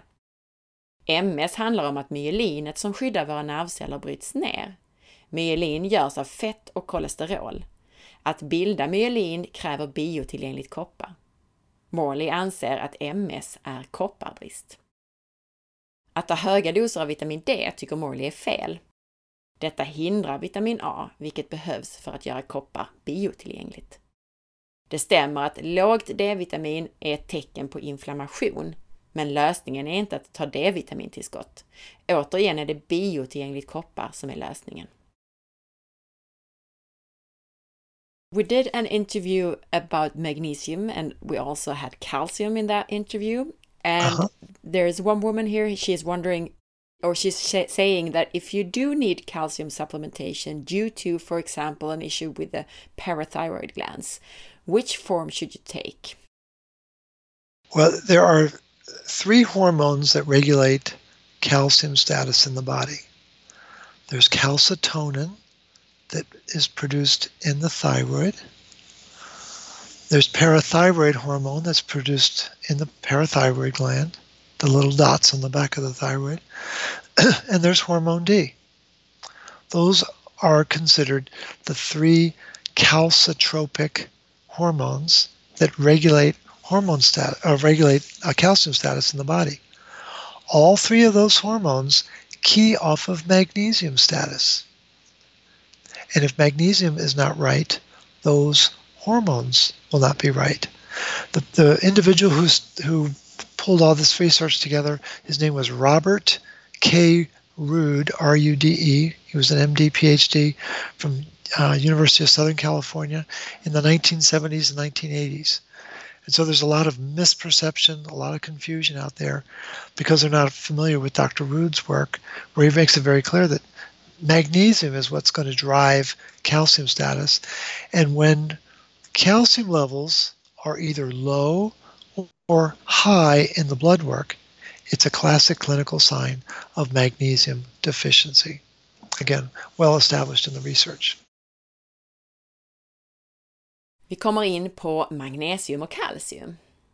Fråga. Om man skulle välja ett kalciumtillskott, vilket? Om man nu behöver det. Om man till exempel har problem med bisköldkörtlarna och inte tar tillbaka kalcium i primärurinen, då får man brist trots intag av nämnda livsmedel. Tre hormoner reglerar kalcium. Kalcitonin från sköldkörteln, bisköldkörtelhormon och D-vitamin. Alla dessa tre är beroende av magnesium. Så brist på magnesium ger problem med kalciumreglering.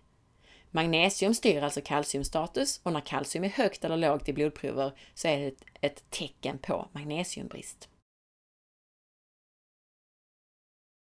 We actually had a few questions also about iodine. And the one listener says iodine is recommended in the RCP, but she is confused regarding the doses of it. Right. So um, it's at the end of the recommendations where where a lot of practitioners uh, tend to gravitate is they like to introduce iodine because it's it's very effective, it's very powerful, but it forces a detox. But I was always curious to know what what is it really doing? Well, it's it's doing the same function as ceruloplasmin. It's fascinating. Ceruloplasmin is able to take four um, iron in a what's called a ferrous form, plus two form, and turn it into ferric iron, plus three form, so it can be loaded onto transferrin. That's one of the most important functions in the body, and water is given off in that process. Iodine does the same thing. It can take four ferrous, turn it into four ferric, but there's no water given off. And what what iodine does is it um, forces the body to do things that, again, are, are beneficial, but there's always a price tag. And a, lot of practitioners tend to jump to detox when, in fact, what I tend to focus on is allowing the body to uh, gradually heal itself so it's not there's no forced aspect to it. The iodine that's uh, in the protocol is, is typically food based you know predominantly from kelp, and I would just follow the recommendations of the manufacturers who are selling those uh, seaweed or kelp products. Again, I think there's an inordinate amount of attention given to iodine when in fact a very little goes a long way, and I don't think we need these mega doses in order to have proper physiology. And I think that also answers the next question about iodine because she says, shouldn't sel selenium be taken together with iodine? And that, I mean, if you eat kelp or other food based right. iodine, you would get right. selenium as well. Exactly. That's right. Then the next question was, what does iodine do to other minerals in the body? She says she feels fatigued after taking iodine. Um, that's a wonderful question. I'm not sure I know beyond what I've shared. Again, I think the the the iodine, if it's all too often, it's used too early in the healing process, and I think that process of forcing the detox, forcing the iron conversion, uh, is very taxing. And I don't know what its effect would be on on other minerals. I've never studied that So it's a really uh, thoughtful question. I'll have to look into that. I'm just thinking that if iodine maybe initiates um, detoxification, then she may feel fatigued because of that. Yeah, no, it makes sense. Absolutely makes sense. Vi kommer in på jod. Jod finns med i RCP-protokollet, men jag har svårt att orientera mig gällande lämplig dos. När jag läser på om ämnet skiljer det sig extremt mycket vad olika forskning säger. Förstår att det är individuellt, men till exempel för en person utan sköldkörtelproblematik. Bör man inte ta selen tillsammans med jod? Det finns inte med i protokollet och beror ju antagligen också på var man bor, men här i Sverige har vi väl selenfattiga jordar. Vad gör jod med övriga mineraler?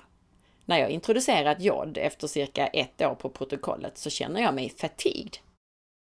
Jag fick extremt mycket avgiftning i början på en droppe jodlösning. Känns som att jod påverkar de andra mineralerna. Man ska inte vara för snabb med att introducera jod som tillskott innan man korrigerat annat i kroppen eftersom det är kraftfullt och påtvingar detox. Jod, liksom ceruloplasmin, är även involverat i att oxidera järn från tvåvärt järn till trevärt järn. Ta jod i matbaserad form, till exempel som kelp. På så sätt får du dessutom andra mineraler som är viktiga och som ska vara i balans med jod. You also recommend the adrenal cocktail, as you call it. Mhm. Then the listeners are asking about that and they are wondering which forms of potassium should be used. People can use either potassium chloride or potassium bicarbonate. Um, some people respond better to one over the other. Uh, It's very hard to predict which is going to be the, the form that people will prefer, so they just need to experiment with both. Uh, there's there is a way to get it through. So I think of the, the baking product, um, a tartar, a potassium tar- tartrate. Um, some people worry about the um, uh, that as a form, uh, but many people seem to have no issue with it. But if you have any concerns about it, you're better off using the, the chloride or the bicarbonate form. They're also wondering should potassium and or the adrenal cocktail be taken on an empty stomach or with food? I think they can go it either way. I don't think there's any particular magic one way or the other. Kommer in på det som Morley kallar för adrenal cocktail, vilket innehåller salt, kalium och C-vitamin i matform. Fråga. Efter att ha lyssnat igenom samtliga avsnitt på ett par dagar så har jag dock glömt i vilket avsnitt samt exakt vad ni sa om kaliumtillskott i olika former. I hans RCP rekommenderas ju kaliumbikarbonat i Adrenal Cocktail. Sen har jag för mig att du nämnde kaliumklorid och hemma i min kosttillskottshylla har jag kaliumcitrat. Vore tacksam för svar om hur ni resonerade kring kaliumtillskott egentligen. Kaliumbikarbonat eller kaliumklorid är bra former. Fråga. Min fråga gäller kaliumtillskott som ingår i Adrenal Cocktail i steg 1 i RCP-protokollet. Kan man ta det tillsammans med mat eller anser han att det bör tas på fastande mage? Jag får sveda i magen av C-vitaminet. Det går troligen bra att ta det antingen med eller utan, det vill säga välj själv. They are also wondering about thoughts on heavy metals in mineral drops because the listener has read several articles on heavy metals in the Great Lake and she had a report from a supplement manufacturer where they did find lead and mercury in those mineral drops, but very low levels though. So Right. she's wondering about this. It's um, much ado about nothing. I think it's uh, if the the identification of that as an issue was instigated by a European-based uh, mineral drop supplier, and uh, created a lot of uh, a real dust up, as they say. But I don't think it's anything to be concerned about. And we have used the minerals coming out and the salt coming out of the Great Lakes on a routine basis, as well as other uh, sources around the world. But I don't think it's a point of concern. I think it's a more uh, fabricated crisis. I do think though that there are other mineral drops that are made from New Zealand or uh, from seawater in New Zealand if you're still worried about it. Exactly. That's exactly right. We mentioned bicarbonate in one of the episodes, and the listener wants to know if she should use it as a supplement, and if so, should she use sodium bicarbonate or potassium bicarbonate? I would probably go with the potassium. It's just people who've been deceived by vitamin D supplements, and there are many people around the world who have. Uh, a little known fact is that vitamin D supplements cause renal potassium wasting. And any hair test I've done in the last 10 years of anyone who's taken vitamin D supplements has among the lowest potassiums. You know, they're always going to be very, very low in those hair tests. So I think they we are short on potassium. What people need to understand is potassium resides inside the cell. That's where it likes to hang out. Well, when potassium is low because of vitamin D supplementation and other stressors, but that's a particularly notable one from research from 1962 by Dr. Ferris at, at Yale Medical School. But when potassium is low inside the cell, it means that iron can rise in the cell. Well, rising iron in the cell is not your friend. So I think potassium and the, the bicarbonate form would probably be a, a good addition to the routine. But do you recommend to take bicarbonate at all? I mean, Well, there are people who have um, who take um, mineral waters, and many of the really better mineral waters do have bicarbonate in them. Uh, there are ways in which you can make bicarbonate uh, from just like club soda, and it's it, it's just a um, I don't, as a rule, recommend it, but some people find that it's beneficial, and from time to time they'll do that. I don't think it's as a critical requirement as some people might think. I would say though that if you do it, do it in between meals to not get too too little acid in the in your stomach. I agree with you with that. That's a very good suggestion. Fråga. Är tveksam inför tungmetallinnehållet i Trace Mineral-dropparna. Undrar vad man kunde ersätta dem med. Fått snabbt svar om testvärden av bly och kvicksilver i mineraldropparna. Senaste batchen var analysresultatet enligt nedan. Bly 0,014 ppm, kvicksilver 0,016 ppm. Det får väl anses som glädjande låga och bra värden, även om dessa tungmetaller bör vi inte få i oss överhuvudtaget, men det är svårt att uppnå eftersom de finns över hela klotet i mark, luft och vatten. Jag läste flera artiklar om tungmetallföroreningarna i Great Lake, därför oron kring tungmetaller. Morley tror inte att det är något problem utan att det vid något tillfälle förstorats upp. Men är man orolig så finns det mineraldroppar från till exempel havsvatten från Nya Zeeland. Fråga. Ni pratar om bikarbonat. Är det natriumbikarbonat eller kaliumbikarbonat? Vad var fördelen med att inta det? Morley skulle välja kaliumbikarbonat. D-vitamin skapar kaliumutsöndring, så Morley tror att vi i regel har brist på kalium på grund av stressorer och särskilt på grund av D-vitamintillskott. Om kalium är lågt kan järn öka i cellen. Många har goda erfarenheter av att ta bikarbonat och läs gärna mina inlägg om det från början av december. Bara sök i sökrutan på forhead.se så hittar du dem. Ta dock inte bikarbonat med mat eftersom du ska vara sur i magen när du äter, medan bikarbonat är basiskt. We've gone through all the questions that I marked as the most important ones. What I think though is because we've mentioned the RCP protocol several times, so if we could in a very brief form summarize what is that? I mean, what's the most important thing in that?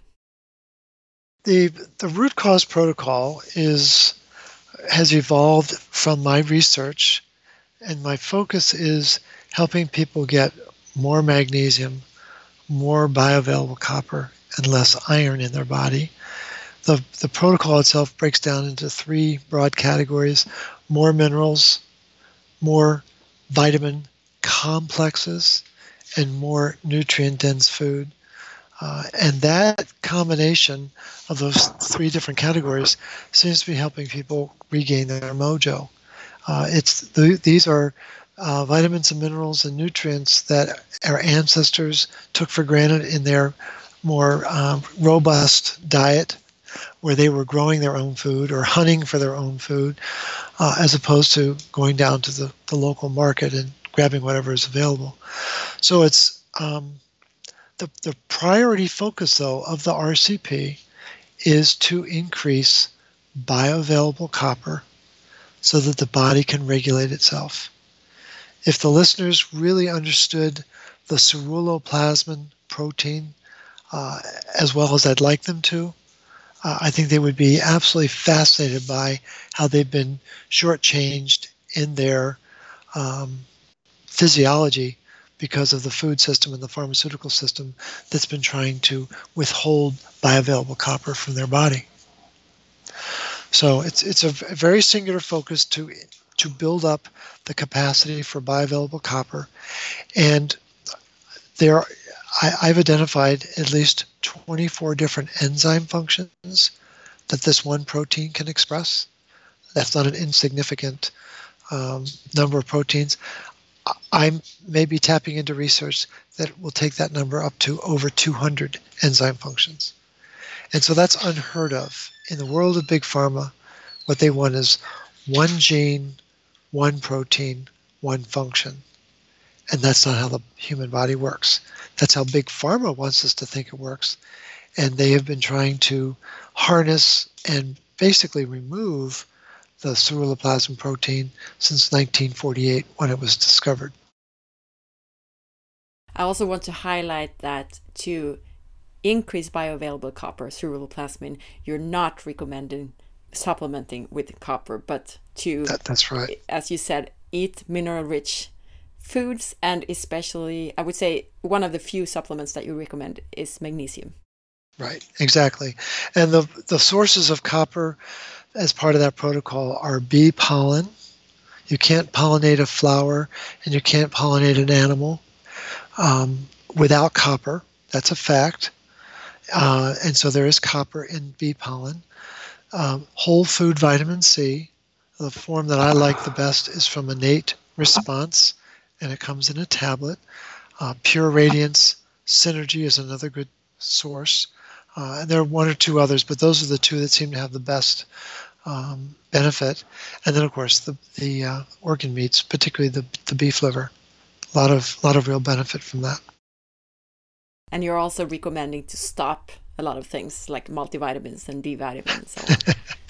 yeah, whatever the internet is telling you to do, just run the other way. I mean, it's no, it's it's really tragic. I mean, people don't realize that the calcium supplements, the iron supplements, the zinc supplements, the B vitamins that are in typical supplements are synthetic and they're very hard on the body, and the ratios in typical um, one a days or in daily supplement packs, the ratios are way off and people aren't aware of the of how subtle these ratios are and how important they are to, to keep in proper balance. If the listeners want to know more about this or about you, where should they go then? My the protocol itself is uh, described and, and outlined on a website rcp123.org. So RCP for Root Cause Protocol, rcp123.org. Uh, I've got a very active uh, Facebook group uh, called the Magnesium Advocacy Group. Uh, we have about 180,000 people now, and we get over 100 people a day uh, jumping in to, to be a part of that community. Uh, and that's just a, a, wonderful way to introduce people to this work. If people have specific questions and, and want to reach out to me um, individually, my email address is my first and last name, Morley Robbins, M O R L E Y R O B B I N S, at gmail.com. And for the uh, industrious few that would like to call me, my phone number would be 01 847 922 8061. And people always gasp, they go, oh my gosh, he gave out his phone. People are very respectful of that. I, I don't get that many calls, but the calls I do get, there's a good reason why they're calling me, and I'm glad that they were able to pick up the phone to do that. But I'm so amazed that you're actually encouraging people to email you because I, I don't know how to handle all the emails myself. So I'm always encouraging people to write comments on the blog or, or book an appointment. But I'm uh, very humble and uh, very respectful of what you're doing. Well, it's just I've I've created a what what I think is important for the listeners to understand is that this protocol was really conceived by Mother Nature. People regularly say, "Oh, if you want to know who the man behind the root cause protocol is, it's Morley Robbins." I say, "No, no, no, no." I said the woman behind the root cause protocol is Mother Nature. All I did was go through the research to figure out what were the critical components to allow the body to express itself naturally. And so that protocol is designed for it's a it's a foundational protocol for anyone on the planet. Regardless of where they live regardless of what their diet is those components are what are going to allow their genes to express the best. And so that helps people get a baseline of information and invariably there are going to be questions just like we answered today where people have specific concerns about ferritin this or you know you know i've got a, a, a a mineral pattern that's out of alignment and and that's perfectly okay. All when the minerals get out of balance people just need to know they're under stress. That's all that means. And and i don't fixate on any one um, mineral over another other than focusing on those three that have clear preeminence in the in our body, being the magnesium and the copper, and the need for less iron. Is there anything else that you would like to add today? No, I, I, I really appreciate the chance to have this follow-up exchange. I think it's it's a great opportunity for people to uh, digest this information, try to work with it, and I'm sure that you know what we'll find is maybe on a periodic basis um, we can tap into these these questions that people have. But what I will say is that I my research doesn't let up. And what I've been focusing on are two particular areas now. One is diabetes and why it's a worldwide phenomenon. I have some very interesting insights about that. And what may come as a surprise to people is to find out that diabetes is an absolute manifestation of the same conflict between copper and iron. And then just yesterday, I was um, doing some additional research around thyroid function only to discover some very important links back to ceruloplasmin. So as you're kind of formulating your your agenda for 2020, we might have an opportunity to talk about one or both of those uh, in the coming uh, broadcasts that you do. That would be great. I'm so grateful that you're willing to come on the show, and our the listeners are, as well, because they were the interviews we did were very popular, and I suppose this one will be as well. Well, good. I'm, I'm glad that people enjoyed it. I just, I wish I had command of, of your language. Uh, we, we would have an even bigger following probably, but I think what I've what I've known for a number of years is that people in Europe actually speak English better than I do, so I don't worry about that. And uh, I appreciate the chance to, to have these conversations and that and then you you go the extra mile and make sure that you translate it for people, which I think is just phenomenal. It's a real expression of your commitment to this work. And I appreciate that you do that. Yeah, thank you. RCP-protokollet har vi nämnt under den här intervjun och det är ett protokoll som utvecklats genom Morleys research och handlar om sätt som ökar magnesium, ökar biotillgängligt koppar och minskar järn i kroppen. Mer mineraler, mer vitaminkomplex och mer näringstät kost är grundstommen i det. Och om man ökar biotillgängligt koppar så kan kroppen reglera sig själv. Det mesta i protokollet handlar om mat eller matbaserade tillskott och så ett fåtal tillskott, i huvudsak magnesium. Och sen att sluta ta de flesta andra tillskott, såsom D-vitamin, kalcium och järn. Man tar inte koppartillskott i det här protokollet, men man tar matbaserade tillskott som innehåller koppar, såsom bipollen, lever och matbaserat C-vitamin. Du hittar det här protokollet på rcp123.org. Och som Morley säger så verkar det bli fler avsnitt med Morley Robbins. Han kommer gärna tillbaka till podden. Och det är vi glada för. Thank you so much, Morley, and I look forward to uh, maybe doing some shorter interviews then about maybe thyroid function and diabetes and so on. That'd be great. That'd be a lot of fun.